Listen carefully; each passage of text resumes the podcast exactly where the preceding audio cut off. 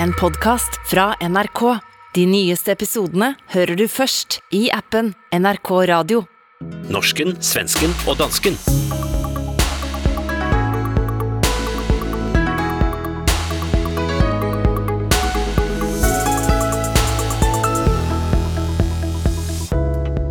Skal landene våre sende våpen til Ukraina?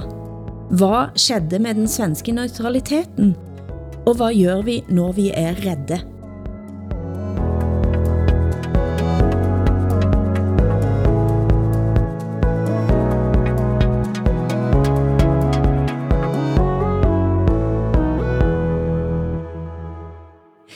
Velkommen til Norsken, Svensken og Dansken, den ukentlige panskandinaviske familieterapien i Jämtland, Åsa Linderborg, Hassan Preisler i København, jeg heter Hilde Sandvik og sitter i Bergen, og av alle uker, denne uken trenger vi terapi.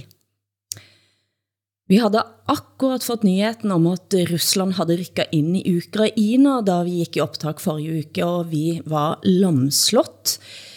Og hvordan har den siste uken været også? Ja, väldigt eh, ledsam och vemodig och eh, ja, tung. Ja, koncentrationssvårigheter. Ja, jag har aldrig, jag har aldrig varit med om något liknande i mitt liv i alla fall. Ja, jeg, jeg, jeg synes lidt, at det, det bliver lidt forudsigeligt, det, det jeg har at sige. Altså, det er jo, altså, det, det er jo bare en fuldstændig vanvittig situation, øh, og samtidig så får jeg jo livet til at gå videre.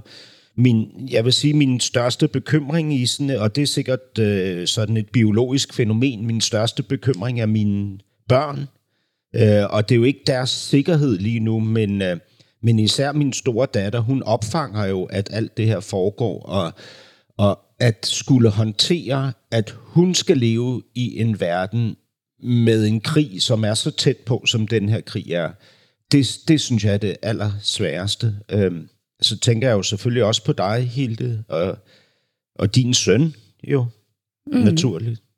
Ja, og, og vi kommer jo til at bruge tid i denne sendingen til at snakke om, hvordan vi håndterer våre egne følelser, men, men den retselen, som vi alle kender på.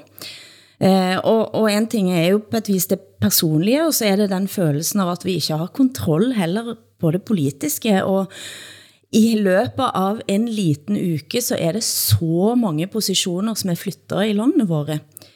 Eh, hvordan responderte for eksempel våre tre statsministre? I dag er en mørk dag for freden i verden.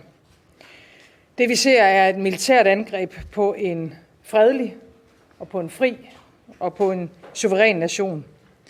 Det har ikke nogen plads i Europa, og det har ikke nogen plads i vores tid. Idag inleddes ett eh, nytt och mörkt kapitel i Europas historia. Ryssland invaderar ett europeiskt land och hotar en demokratisk regering vald av det ukrainska folket. Angrepet vi nå ser, er et angrep på Ukrainas frihet til å bestemme over eget land. Men det er også et angrep på det frie og demokratiske Europa. Det er et angrep på en rettsorden som verden bygger på for sikkerhet. De virker veldig bevidste. Det mærker en på måten de ordla sig på. Det var en historisk tale. Kjente dere på det? Ja, absolut. Eh, Magdalena Andersson håller tal som, det är, det är väldigt sällan som svenska statsministrar håller tal till nationen. Eh, Stefan Löfven gjorde det under pandemin, det var ju också ett nödläge. Det är ju väldigt allvarligt alltihopa. Och det, det, det känns. Jag tyckte att hon bar upp allvaret på ett eh, rätt fint sätt. Det var mye patos hos Mette Fredriksen første talen, men ikke så mye konkret som jeg kunne høre, og det fik hun også kritik for fra diverse lederskribenter, Hassan. ja, det er rigtigt. Altså, jeg, jeg skal lige sige, øhm, øh, det her er garanteret ikke tiden til at, øh, at øh, udtrykke sin... Øh, mistænksomhed i forhold til sine egne statsledere, men, men altså, jeg, jeg, jeg så ikke den tale. Jeg interesserer mig ikke for de der lejligheder, der opstår for, at den her regering kan stille sig op og, og fremhæve sig selv som vores allesammens uh, brillante frelser. Øhm, men jeg har læst talen efterfølgende. Øhm, hvad, hvad, hvad skal vi sige? Altså det, der jo ligesom står tilbage i talen, det er, at der er en besked til danskerne om, at der ikke er nogen konkret trussel mod Danmark, øhm, men, men at det kommer til at få betydning for vores økonomi, for vores energiforsyning, for erhvervslivet, og, og derfor også for danske arbejdspladser. Ikke? Øh, råvarepriserne er allerede steget voldsomt. Øh, det er jo ligesom sådan, hvad hedder det, beskeden til os, ikke? Øh, Jamen, så har regeringen jo også derved placeret sig et sted, hvor den igen får øh, større magt, ikke? End, den, øh, end jeg synes, den burde have. Ikke? Ved at øh, ja, altså demonstrere, hvordan fremtiden kommer til at blive på denne her måde. Ikke? Fordi jeg er sikker på, at Mette Frederiksen mener, at hun og hendes apparat er løsningen. Ikke? Mm. Når jeg hører Jonas Gahr Støre i denne sammenhængen, så er det trygt og forutsigbart utenrikspolitik er hans hjemmebane, men det som slår mig nå, når jeg hører våre tre statsministre så tæt, så er det at to av, våre, at to av tre av dem er kvinder, som altså holder noget som minder om krigstaler. Det kännes som ett historisk skifte. Ja, I Sverige är det ett historiskt skifte överhuvudtaget att vi har en eh, kvinnlig statsminister. Men eh, Visst var det tal i, i krigstid, det, det, kände, det kände jag ju också. Och att det är förbjudet att prata om det svenska försvaret till exempel. Man ska, man ska, det man vet ska man hålla för sig själv och sådär. Jag tänkte på det Hassan sa nu att det är, det är inte läge att kanske kritisera de som styr ett land och sådär därför att det är en nödsituation. Jag skulle säga att det är ganska det är ganska farligt när vi tänker så också.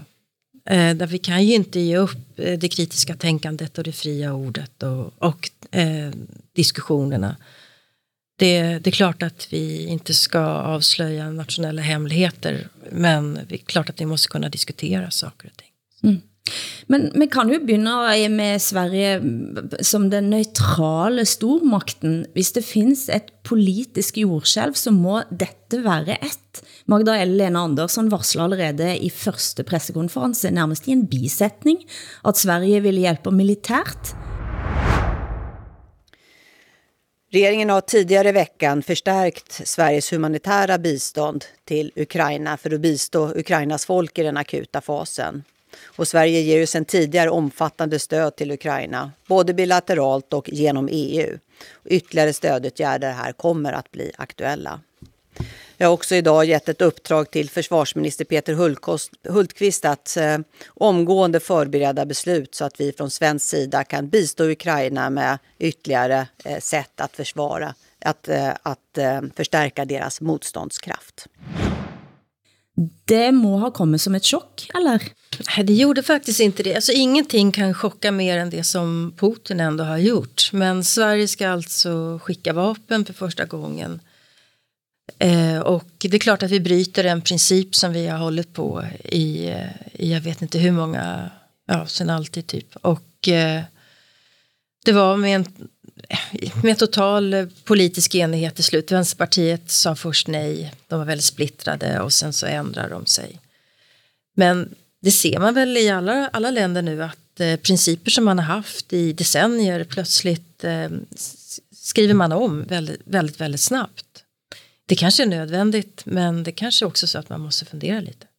Men vad skedde med neutraliteten? Var det ett skuebröd, en svensk branding? men, Sverige har ju sån lurig inställning till det här eftersom vi ingår ju i den västerländska sfären.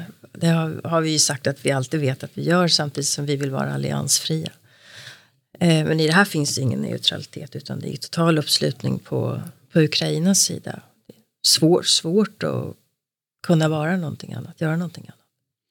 Jeg, jeg, jeg synes, det er sjovt uh, i forhold til det, du sagde før, Hilde, med, med de kvindelige statsministre, som nu holder krigstaler. Ikke? Altså, jeg, jeg er vokset op i en tid i 70-tallet, i 70'erne, hvor kvindekønnet per definition var det frelsende fredskøn.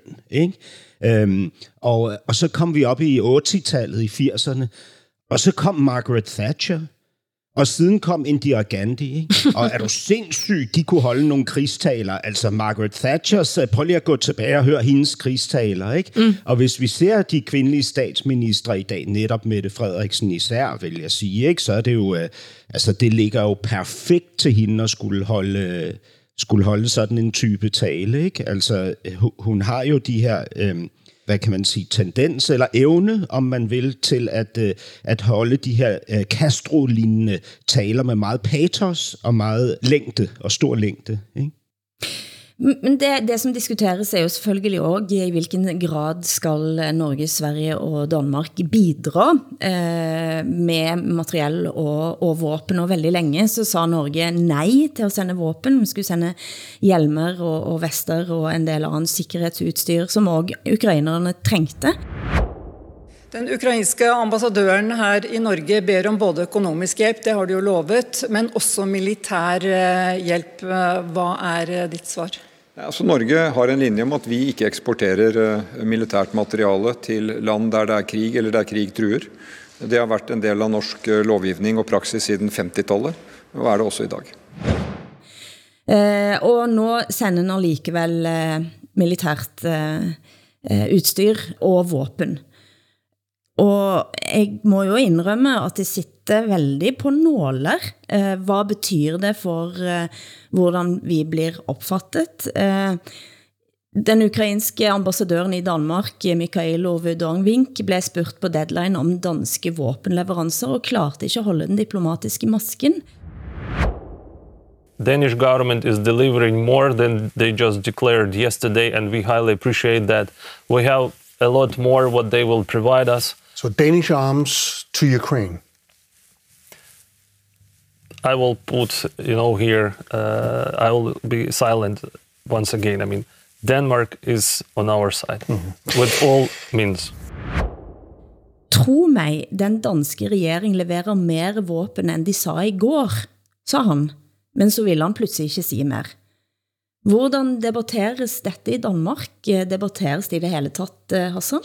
Jamen altså, han fik jo ret, den ukrainske ambassadør. Et par dage senere kom det frem, at, eh, at Danmark både vil sende panserværnsraketter og stingermissiler øh, til, øh, til Ukraine. Det er de her berømte 300 Stinger-missiler, som i første omgang var ubrugelige, fordi de var for gamle, men som nu er blevet øh, sendt vestover. Jeg tror, de skal til USA for at blive opgraderet, før de så kan komme til Ukraine og være brugbare ikke, i krigen.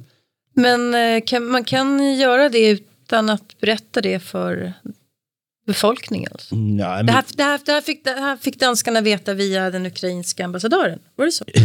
ja, det, vel, det handler vel om, øh, i, i, i regeringsperspektiv handler det vel om, at, øh, at russerne skal ikke vide, hvilke specifikke våben øh, ukrainerne vil have i hænderne. Eller hur mycket, for jeg mener, det... Eller hvor mange, ja, præcis. Altså, det er jo ikke, fordi der er nogen nævneværdig politisk opposition i Danmark, som kunne bruge det her og, og, og, til at, øh, at true regeringen. Fordi alle øh, partier øh, fra det stort set alle politikere fra, fra højre til venstre er jo enige om, at, øh, at NATO er en nødvendig alliance, og at vi skal sende våben til Ukraine. Dog med undtagelse af den aller yderste venstrefløj i dag, ikke, som står splittet øh, tilbage og ikke kan orientere sig øh, og komme med en samlet melding, hverken i forhold til NATO eller i forhold til, om man skal sende øh, våben til, øh, til Ukraine. I Sverige nu så oppositionen då som vanligt så man liksom tävlar om vem som vill skicka mest vapen till, till Ukraina och så moraliskt sett så är ju det här rätt naturligtvis. Jag skulle kunna skicka mycket som helst. Men eh, när jag läser så internationella freds och konfliktexperter eh, jag läste en, en eh, tysk sån expert som tappar bort namnet som jag läste om i den danska tidningen Dagbladet Information. Han menar att eh, även om det är moraliskt rätt så, så kan det här kriget förlängas utan att eh, Ukraina egentligen vinner någonting.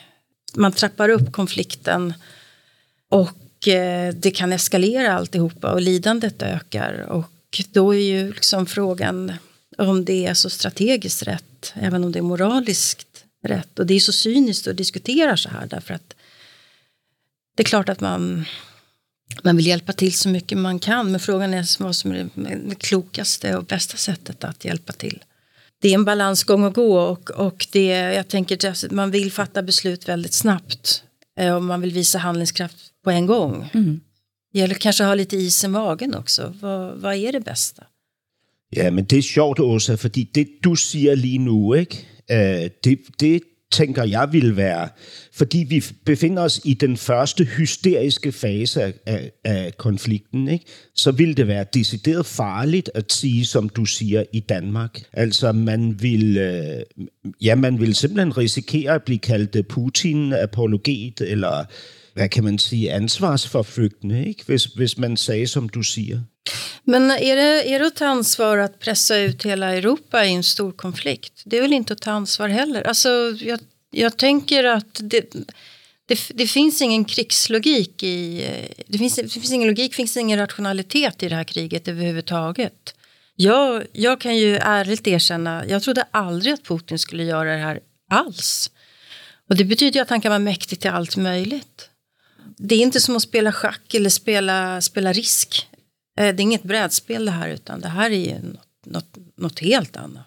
Altså selvfølgelig den, eh, den lille, eller den største uroen eh, er om NATO eh, må aktivisere paragraf artikel 5, altså at eh, angreb på et NATO-land eh, er angreb på alle, eh, og hvad som skal til for at eh, en anser at NATO er del av konflikten.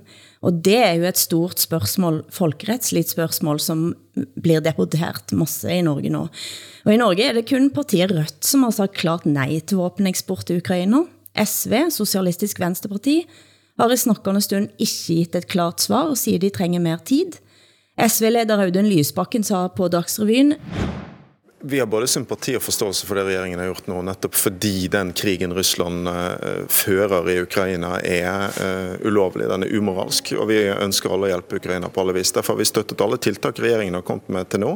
Eh, så må vi bare innrømme at dette er mer krevende. Det trenger vi mer tid på. Noen ganger tror jeg det er greit å innrømme at en beslutning er vanskelig. For her er det Hvorfor er det vanskelig? Fordi det er noen ordentlige dilemmaer her. Her endres da det som har vært 60 år med praksis i norsk våpenpolitikk på veldig kort tid, uten at vi helt vet konsekvensene av det. Og Det norske regelverket har fungert godt, sørget for at våpen ikke havner på feil hender, og at de kun blir sendt dit det er brei enighet om i Norge. Og spørgsmålet er jo, om har vi forståelse for SV-lederen? Taper vi eller vinner en på å nøle? Eller og kendt som at tænke grundigt igennem i sådanne situationer? Jeg oplever vel at det er en ekstremt politisk FOMO, fear of missing out i den saken. Det eneste og vigtigste valutan på kort sikt er handlekraft. Ja, men det är klart att man måste visa handlingskraft, men, men frågan är vad som är de rätta handlingarna. Det är ju det, är det som jag tycker är svårt att förstå eftersom Putin inte är som någon annan. Det är ju, vi vet ju liksom inte vad han vill göra. Igår så kränkte eh, fyra ryska stridsflyg har ju redan kränkt svensk luftrum på kort tid till exempel. Mm. Och eh, ja, alltså jag vet inte, jag, jag, jag önskar att vi visste vad som, att vad som är moraliskt rätt är en sak, men vad som är, vad som är det bästa, klokaste, det kanske är något annat. Men øh, altså efter tænksomhed er jo handlekraftens øh, dimensionale modsætninger. Det er jo, hvad hedder det, enhver desperat tids paradoks, det er klart. Altså, selvfølgelig skal man handle, det, det er naturligt, men selvfølgelig skal man også kunne stille sig selv og hinanden alle de nødvendige spørgsmål, det er jo klart, ikke? Og det er derfor, jeg synes, at lige præcis de spørgsmål, du stiller lige nu, Åsa, som er nødvendige og, øh, og, og af en eller anden sær grund også meget modige spørgsmål. Ikke? Det burde jo være de, øh, det, det, som ligesom danner grobund for enhver samtale i vores nationer øh, lige nu, om det så er den offentlige eller den private samtale. Men det gør det ikke. Fordi du kan risikere udstødelsen, hvis du ligesom ikke stiller dig op øh, bag, øh, øh, sammen med flokken, ikke? som jo marcherer lige nu. Ikke? Og der er, altså, der er en heksejagt i gang. Ikke? I, øh, i, på de sociale medier og i medierne, der leder vi lige nu efter fortidens Putin-apologeter og tilhængere. Selv den danske målmand Peter Smeichel, som i 2018 mødtes med Putin, bliver nu igen trukket frem i ekstrabladet øh, og, skal, og skal forklare sig og undskylde sig osv. Ikke? Det här jeg jag med. Det, alltså så här har vi haft i Sverige i, i väldigt, väldigt många år. Men apropå handlingskraft och så, Carl Bildt, tidigare utrikesminister i Sverige, han tycker att vi ska skicka ut alla ryska diplomater. Klart man kan kasta ut dem, men gör man det så för, försvårar man också möjligheten att förhandla med folk på annan mark. Så att säga. Det, under andra världskriget så var det ganska viktigt att i Sverige så hade vi till exempel förhandlingar med diplomater, krigsförande länderna. Det finns till och med, läste i Svenska Dagbladet, en högt uppsatt tidigare moderat politiker som tycker man ska kasta ut alla ryssar ur landet. Ska man kasta alltså ut alla som städar, alla som lever och bor här som inte har något ansvar alls, alla som har gått i exil. Men hvad, hvad er din tanke, Hilde, i forhold til eftertænksomhed og handlekraft? Nei, og, og vi kommer sikkert til at snakke mere om det også, um, fordi det er så koblet på personlige og nærmest private følelser. Altså jeg, må prøve, altså jeg prøver hele vejen at sortere mellem rationale og det irrationelle. Sant? Eh, og selvfølgelig så er Retselen er at eh, Cecilie Hellestveit, forsker, eh, får ret i at eh, det at levere våben i så stor grad som det Europa nu gør til Ukraina, gør at vi blir eh, en delaktig i en krig, eh, og dermed ut, er utløsende faktor på en større storkrig. Sant? Det, det, ligger som en, det ligger som en uro, og samtidig, Eh, samtidig så er det sådan at denne, denne krigen kommer vi til at leve med, og vi kommer til at høre stadig højere rop efter endda mer deltakelse fra Ukraina. Eh, Ukraina er en selvstændig stat. Det er demokratiet, som står op mot fascisme. Ikke bare autokrati, men en diktator, som i tillegg har blitt til et kældermenneske i løbet af to år med ren isolation. Hvad, hvad, hvad mener du med ren isolation? Han er blevet skilt? Øh... Jeg mødte en russisk fotograf øh, et, en uke før, øh, før invasionen. Eh, og vi snakker selvfølgelig om dette bildet med Macron og Putin, som sitter der på hver sin side av dette lange bordet. Eh, og, og vi har alle sett memes av dette og, og, og tolker det ind i dette, dette magtspillet som Putin driver. Så siger han, dere skal være klar over det, at dette er det nærmeste Putin har været et menneske rundt sig på to år. Mm. Altså han har blitt Dostojevskis kældermenneske. Og Macron sa jo selv at eh, dette var en helt anden mand end den han mødte den gangen eh, i, tilbage i 2019. Alltså jag är också oroad för Putins mentala hälsa. Jag, när jag säger att jag trodde aldrig han skulle vara mäktig till det här så är det helt enkelt jag tänkte att han är slugare än så här. Han är skickligare liksom maktspelare än, än vad han gör i prov på nu. Samtidigt så tänker jag så här att jag vet inte jag vet inte om det, gang, om det gagnar, liksom, någon om det är någon lösning att jämföra honom med Hitler som många gör eller kalla honom ett kukhuvud som jag läste i Dagens Nyheter.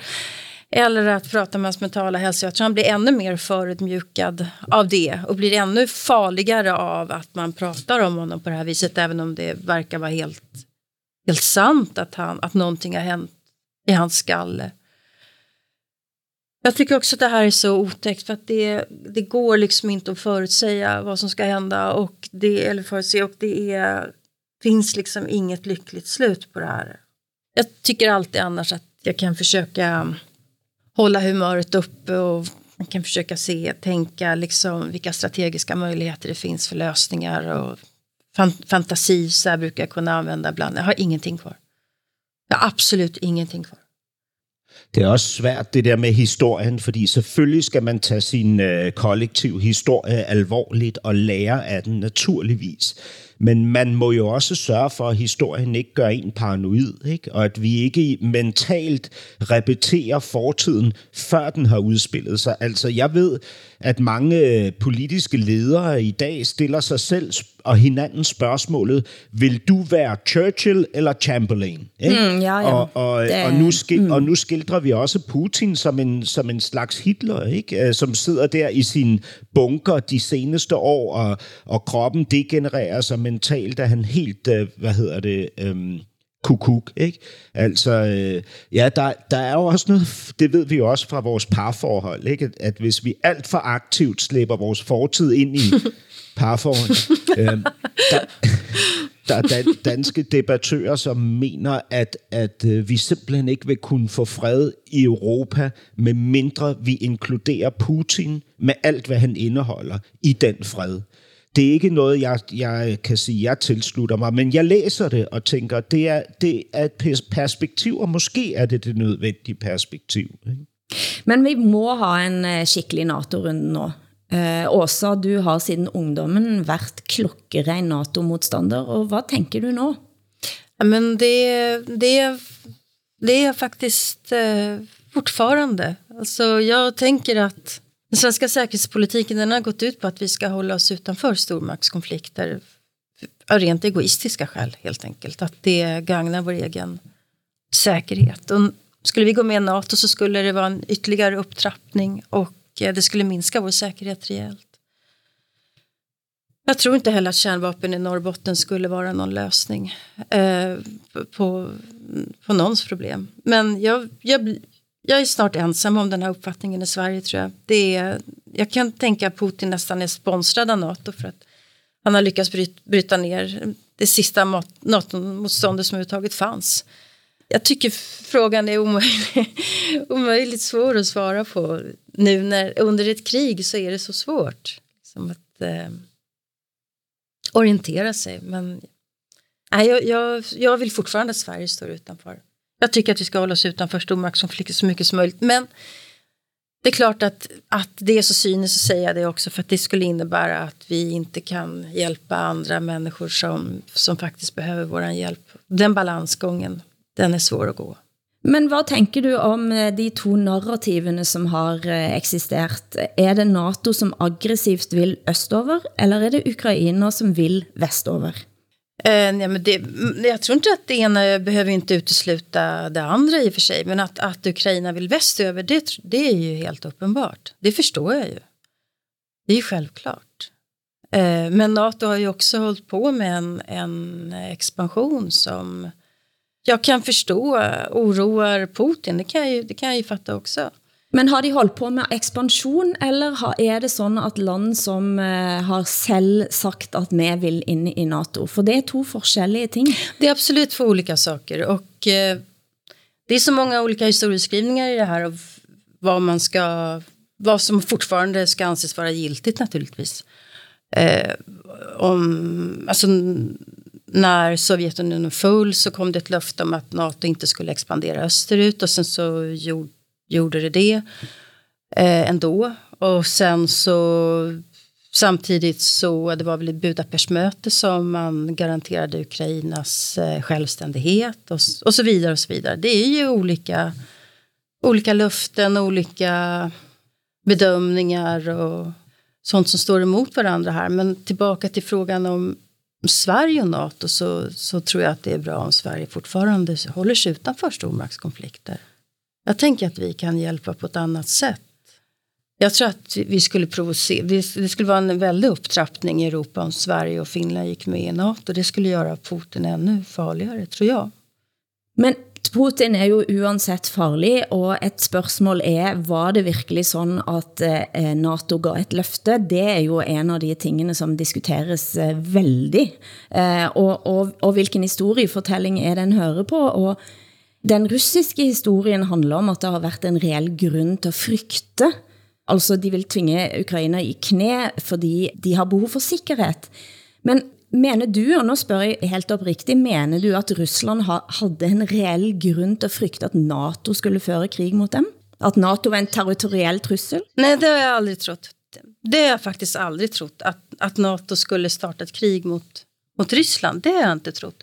Däremot kan jag, kan jag förstå om en stormaktsfigur som Putin känner sig hotad av att Nato eh, lägger fler och fler länder under sig. Jag kan förstå att, att Ryssland inte vill ha kärnvapen allt närmare in på kroppen eller Nato in på kroppen. Jag kan förstå att Putin i jakt på marknader och så vidare i samarbete med Kina inte minst är frustrerad över att alltså USA har 150 eller 130 militärbaser runt om i världen. Ryssland har 10. Alltså om, om, om, man, om man ska gå in i hans hjärna så kan jag förstå den frustrationen? Jo, altså, jamen, jeg, jeg kan jo sige, altså både øh, højrefløjen øh, med politikere som Marie Krarup og venstrefløjen med især nogle af de ældre profiler fra partiet, øh, partiets folketingsgruppe, øh, udtrykker ret stor forståelse for Putins øh, reaktion på alle de her øh, NATO's, øh, potentielle NATO-stater i hans baghave. Ikke? Samtidig så har øh, øh altså den Ja, altså venstrefløjen i Danmark har jo en historisk øh, NATO-modstand, som er svær at slippe. Det er klart, det forstår jeg jo. Jeg er jo selv som barn gået til NATO-demonstrationer med mine venstreorienterede forældre. Ikke? Jeg, altså, jeg, jeg husker det jo lige så tydeligt som Altså de ting, vi råbte, som, øh, som det, vi råbte mod atomkraft. Ikke? Og, og det, det er sindssygt svært at give slip på, øh, på sådan nogle forestillinger. Altså skulle man så have en, en, en selvevaluering, hvor man pludselig øh, skal øh, betragte... Øhm, øh, NATO som sin frelser, når det før har været dæmonen. Altså det, det, det tror jeg er store skridt at tage, ikke? fordi det kræver jo, at man øh, ligesom må, må ja, altså evaluere alt, hvad man har stået for gennem hele sit liv. Men, men, men virkeligheden er jo, at det her monstrum, som vi endda betragtede som et monster i min barndom, NATO, i dag jo er vores garanti for sikkerhed ikke, i Vesten. Altså, det, det, jeg, jeg, jeg ved ikke, hvordan man kan betragte det som andet end det. Jeg forstår godt, øh, at man kan tænke sig, at øh, neutraliteten vil sikre en mod ulyksaligheder, men... Men, øhm men er, ikke, øhm, er ikke du redd, Hassan, at øh, NATO blir eh, indraget i det här kriget, att det blir en stor konflikt i hela Europa. Ja, men det, det... Ungern vill ju inte distribuera viss mat alltså material in till Ukraina nu därför att de är rädda att de ska bli angripna på NATO-mark och då blir hela NATO indraget och då så står vi inför ett nytt första världskrig. Det är ganska farligt att ingå i militärallianser också. Ja. Alltså... Det är inte bara en säkerhet utan det, det innebär også förpliktelser och Uh... Altså NATO er jo i sin, i sin specifikke formulering af sig selv en forsvarsalliance. Ikke? Det er ikke en angrebsalliance. Og, og altså, det, det, det der jo er hele princippet her, det er, at hvis nu vi står i en situation, som øh, det blev skildret her i begyndelsen, hvor vi har en vanvittig diktator i et, øh, i et kæmpestort land, med, med imperialistiske øh, tendenser, drømme og, og længsler, øh, som, som vil øh, have verden tilbage til sådan, som den så ud i vores barndom. Ikke? Altså med en stærk østblok op imod en stærk vestblok. Ikke? Så, så er vi jo nødt til at have en alliance, som kan sikre os mod det. Ikke? Og det, det bliver jo nødt til at være en alliance, som sikrer os mod det koste, hvad det koste vil. Ikke? Altså, hvad, hvad, Øh, ellers så skal man jo jamen, altså give efter, give slip, lægge sig fladt ned og sige, jamen så tag Estland, Letland og Litauen, så tag Polen, så tag Rumænien tilbage igen. Øh, lad os få lavet en, en, endnu en grænsedragning. Og, og jeg, jeg voksede jo op, klods op af den der Berlinmur, ikke? fordi min barndom udspillede sig i Vestberlin. Ikke? Så, så er det jo det, vi skal tilbage til igen, ikke? hvor man har skabt den perfekte magtbalance, ikke? Så, som, er så, øh, som er så velkomponeret, at der ikke sker noget. Ikke? Så, så har vi tryghed. Mm. Snorre Valen, som selv er på venstresiden i Norge, øh, var SV-politiker og politisk redaktør i avisen Nidaros, havde en lang artikel i øh, VG nylig, Eh, der han siger, at venstresiden trænger nye stemmer, og, og han siger noget, som jeg tror ikke bare gælder venstresiden, men at, han, at det har også været en underliggende tanke om, at eh, Ukraina må ligge lidt i ro Altså, eh, hvis vi bare forholder oss til eh, Ukraina, der Ukraina er nå, eh, ikke, ikke lag så mye bråk ut av det. Men den avgjørende aksen, skriver Snorre Valen også, er eh, ikke øst mot vest, men diktatur mot demokrati. En utford de utfordringene som må, nå rettes mot venstresiden bør ikke viftes væk, skriver han, men omfavnes varmt. Fordi at den har haft analyser, som drejede sig rundt følgende logik. Rusland trænger sikkerhedsgarantier. Vesten må takke sig selv for Rusland trusler, siden NATO har ekspanderet østover, som det heter. Uh, og, og det er jo den situationen, vi står i nu. Jo, jo det är det ju, men det, är ju, det blir ju, alltså världsläget är lite mer komplicerat än så. Det är inte så att demokratier, de demokratier som vi själva tillhör, inte samarbetar med vissa diktaturer.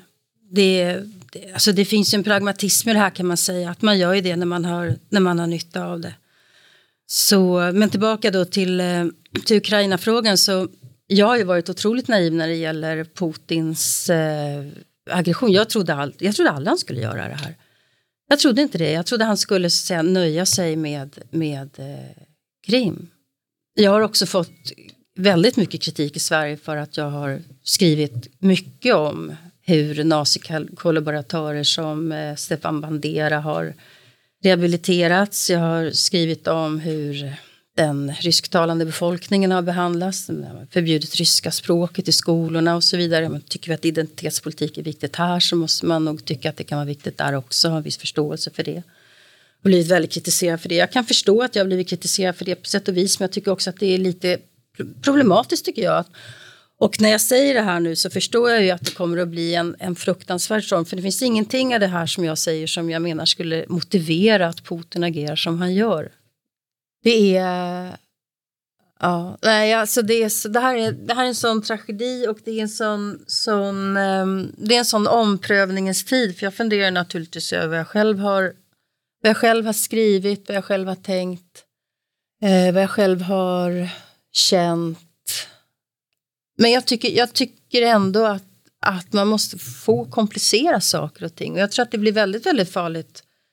Jag tror aldrig vi kommer att få en lösning på det här. Jag tror överhuvudtaget det blir ingen lycklig lösning på det här alls. Men jag tror också att det är väldigt svårt att lösa någonting ifall man inte försöker ha fantasi och sätta oss in i den andra sidan också.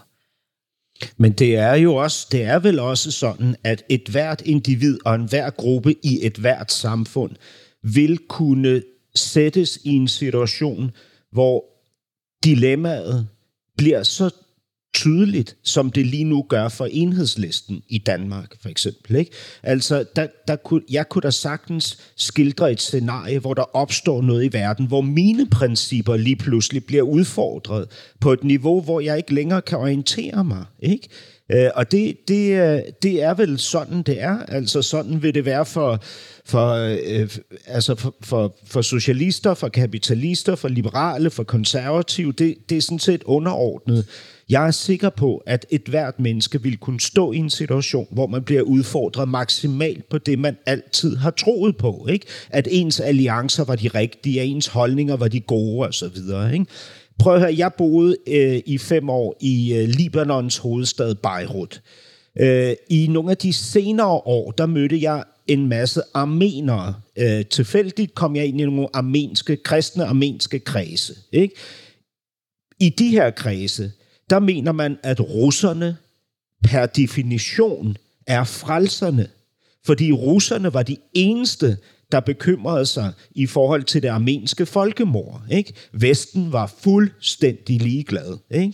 Øhm, så de har en meget nær alliance til Rusland, og dem, jeg mødte øh, dernede, de øh, var meget begejstrede for det russiske regime. Hvilket regime det så end var i tiden, var ikke så væsentligt. De havde en tæt forbindelse og en følelse af, at Rusland ville altid have deres ryg. Ikke? Øh, det, det synes jeg, altså det, det er jo også et perspektiv, som findes i den her verden. Men om, man, om det var så at jeg verkligen eh, øh, trodde at eh, en, eh, ett NATO-medlemskap skulle vara bra för Sverige, då skulle jag, då skulle jag ha prestige nog att kast, kasta mina gamla principer över, över ända. Jag har ändrat uppfattning i många frågor genom åren. Men jag, jag tror inte det. Om det är så att, att stor vapenexport till Ukraina också skulle vara lösningen nu så då tycker jag vi kan skicka allt i så fall. Men jag är inte säker på det. Jag tror att det kommer att eh, eskalera kriget. Jag tror att det kommer dra in hela Europa i, i någonting som liknar ett nytt världskrig. Faktiskt. Jag förbehåller mig rätten att inte, att inte yla med krigshetsarna här. Faktiskt. Någon måste ta den positionen också och det gör jag det. Men moraliskt sett, moraliskt sett så skulle jag vilja stödja Ukraina på det allra bästa sättet som går, men jag vet inte vad det är. Jag undrar hur stort stöd Putin egentligen har på hemmaplan för det här agerandet. Ja, det vet vi ikke rigtigt. Det, Nej, det vet vi inte. Jag hoppas att det här innebär slutet för den här, den her människan. Altså, jeg, jeg har læst en virkelig interessant artikel i Berlingske Tidene, som er øh, en gennemgang af aflytningsrapporter fra øh, fronten i Ukraine, altså ru- unge russiske soldaters øh, telefonopkald og sms'er, som bliver gengivet. Og de er, ifølge den her artikel og de rapporter, den baserer sig på, så er de her unge sol- russiske soldater i chok. De var blevet lovet, at det her ville være en nem invasion. De oplever intens modstand. Ikke kun fra, øh, fra den ukrainske her, men også fra civile ukrainer, som lægger sig ned foran kampvognene. Ikke? Øh, og de, Det er broderfolk. Ja, og det er et broderfolk, ikke? Og ifølge den her artikel, så, så kan de her unge russiske soldater ikke håndtere det her. Ikke? Altså, det er, det, er, det er afskyvækkende frygteligt for dem, og, og det vidner også om en lav moral i angrebshæren. Vi snakker jo forrige uke om den frykten dette bringer frem er barndommens frygt under den kalde krigen, frykten for atomkrig. Den frykten har ikke blitt mindre, og jeg lurer på om vi kan snakke om hvordan vi takler retsler. Jag är uppe i Jämtland just nu i en stad som heter Bräcke. Igår på eh, pistolskyttet här på kvällen så var det väldigt många som kom som inte har varit med förut. Som liksom ville lufta sina pistoler. Det är som att människor gör sig skjutklara.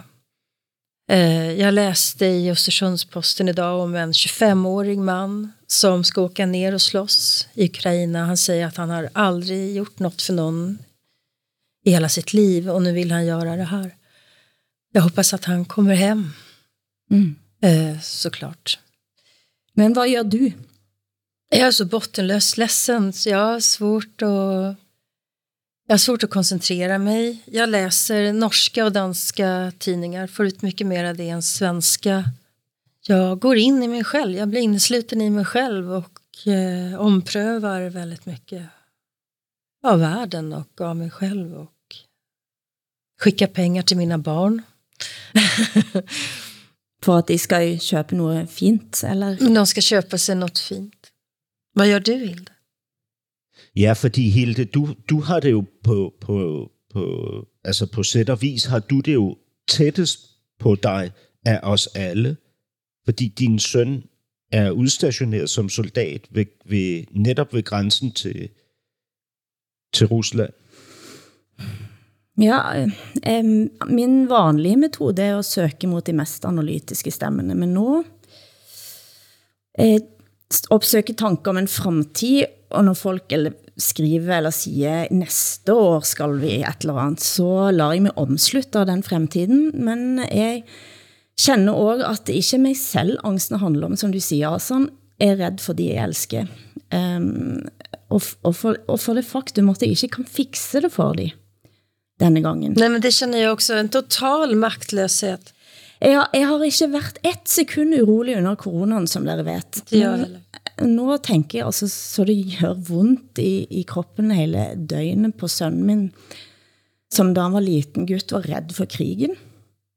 Eh, veldig redd, og jeg tænkte den gang, som jeg altid gør, vi må bryte retselen din ned til noget, det går an at håndtere et noget rationelt.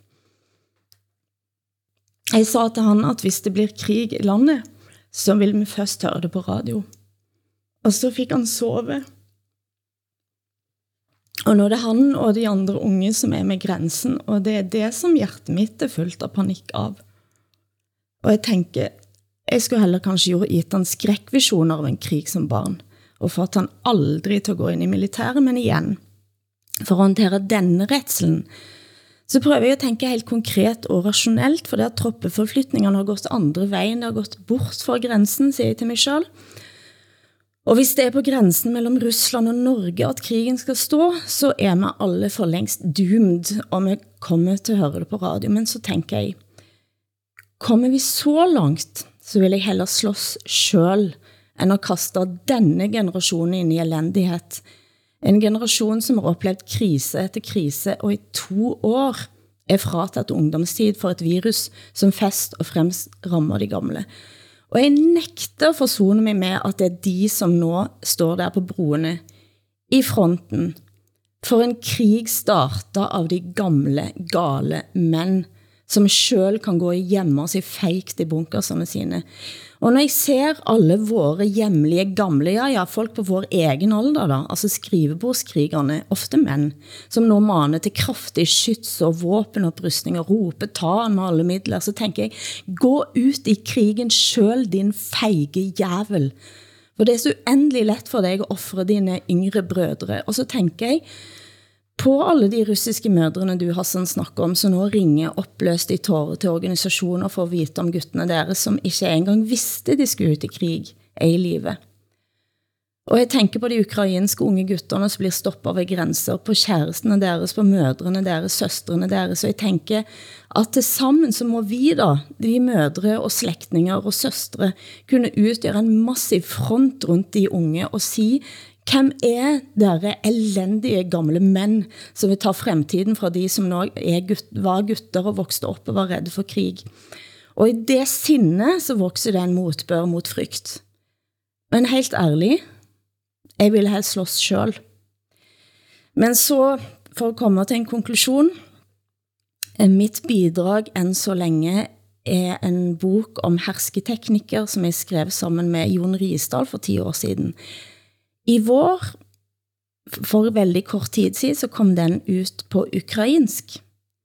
Og den boken kom ut for en fremtid uten dette marerittet. Og jeg har fått et nytt navn, kan jeg informere dere om. På ukrainsk så heter jeg Gilda Sandvik, ikke Hilde. Og jeg spurgte selvfølgelig, hvorfor, hvorfor heter jeg Gilda? Og jeg blev forklart, at det er mitt radikal ukrainske navn. Og akkurat det må jeg indrømme, at jeg er lidt stolt over, altså at ha et radikal ukrainsk navn, for det gør mig faktisk lidt mindre rädd. Mm. Jag har tänkt väldigt mycket på din eh, son, Hilde. Eh, du är ju med om någonting som eh, de flesta av oss inte är med om. Såklart. Jag tänkte också väldigt mycket på en man som jag träffade för tre år sedan i den ryska staden Ulyanovsk. Som tack vare en Putin, eh, eller en regimkritiker som åkte runt och organiserade motståndet mot Putin, så, som jag känner, eh, så träffade jag honom och så fick vi träffa en man eh, som jobbar på bilfabriken där i Ulyanovsk. En stad på 600 000 personer. Han jobbar på den här bilfabriken Vass. Eh, och han hade en son som också gjorde militärtjänst. Och han berättade att hans son var tvungen att betala för sin egen rock. Och var tvungen att betala för toalettpappret om de använde mer än 10 meter eh, per person och vecka. Och han sa den mannen att eh, den ryska armén är otroligt fattig men väldigt, väldigt vapenstark. Eh, och jag tänker ju på den mannen nu. Jag vill ju inte att det ska vara hans son som har dött i de här striderna nere i Ukraina. Mm. Det är ju människor det här handlar om. Mm. Som blir utkommenderade i krig. Men jeg, jeg forstår alt, hvad du siger, Hilde, og jeg stiller mig 100% bag dine formuleringer. Og samtidig så vil jeg sige, at der er også noget ved de her unge mennesker, unge mænd er det jo ofte, ikke, som imponerer mig dybt, også ved din søn, øh, Hilde. Ikke? Noget, som jeg øh, synes er meget, øh, meget, meget imponerende. Øh, og det handler jo om mod og, og, og beslutningsdygtighed og, og netop handlekraft, ikke? som man jo ikke altid som ung kan tilrettelægge for sig selv, som oftest øh, bliver fremtvunget af nogle omstændigheder, man ikke har nogen indflydelse på. Ikke?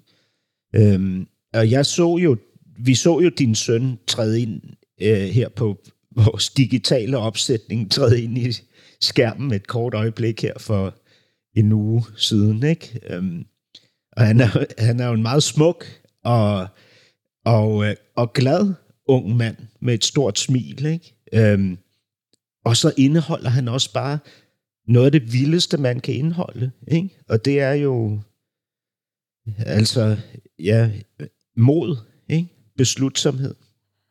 Da han var 16, så skrev han en artikel i VG, Den glemte krigen, der han skrev at vi er så optaget av Trumps Trump sine tweets dag og natt, at vi glemmer det farligste som er i færd med at ske mye nærmere oss.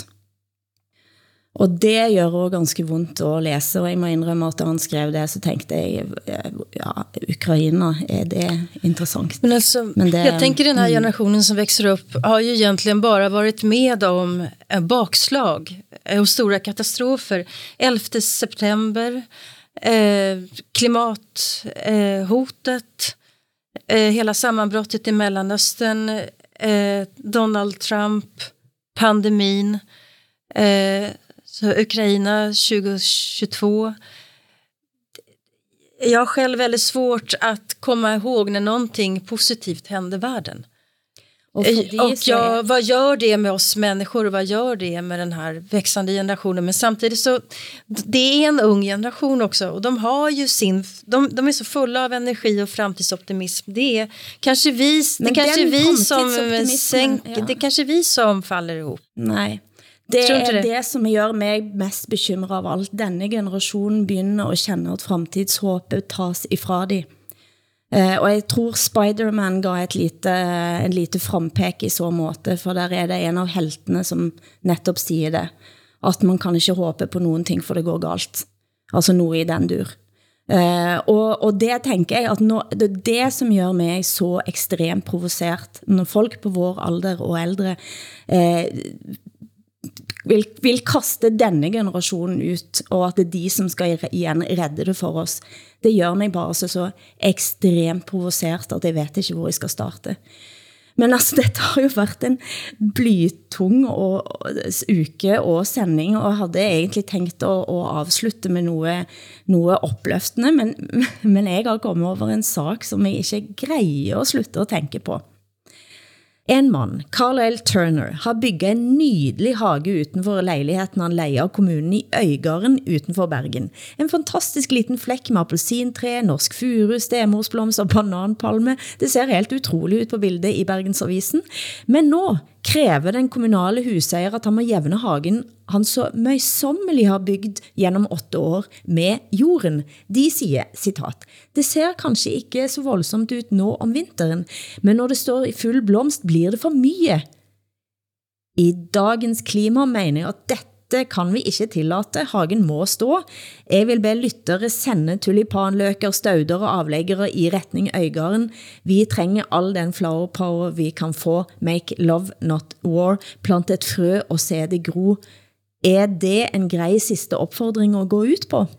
Men, men, nu, nu siger jeg bare, hvad jeg tænker, Hilde. Ikke?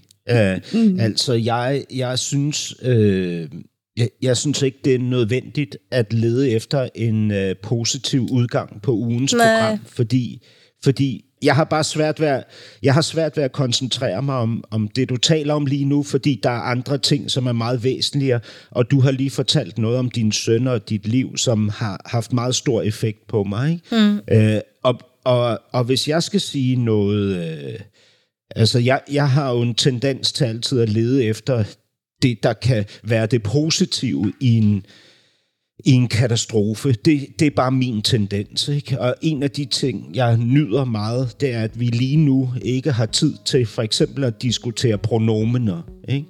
øhm, og, og på den måde så, så øh, gjorde den her krig noget godt for mig. Det blir sidste ord fra oss i ukens Norsken, Svensken og Dansken. Producent har været Henrik Hylland Ulving. Takk til Hassan Preisler i København. Åsa Linderborg i Stockholm. Jeg heter Gilda Sandvik i Bergen. Programmet er produceret av Broen XYZ for NRK, SR og DR, der redaktør for programmet er Ole Jan Larsen. Men på vej ut hører vi Jamala, som repræsenterte Ukraina i Eurovisionsfinalen i Stockholm i 2016 med låten 1944. Jamala har flygtet eh, fra Ukraina nå med sine to små barn. Mannen skal være igen i landet. Hun synger When Strangers Are Coming. Vi høres igen om en uke. Don't swallow my soul. Our souls.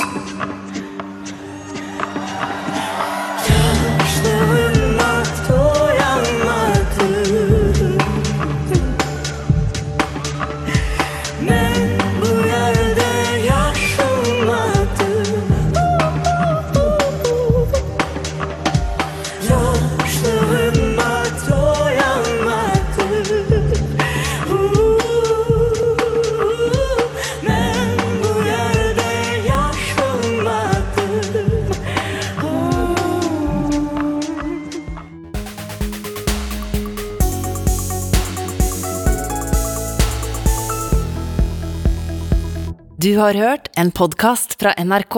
De nyeste episodene hører du først i appen NRK Radio.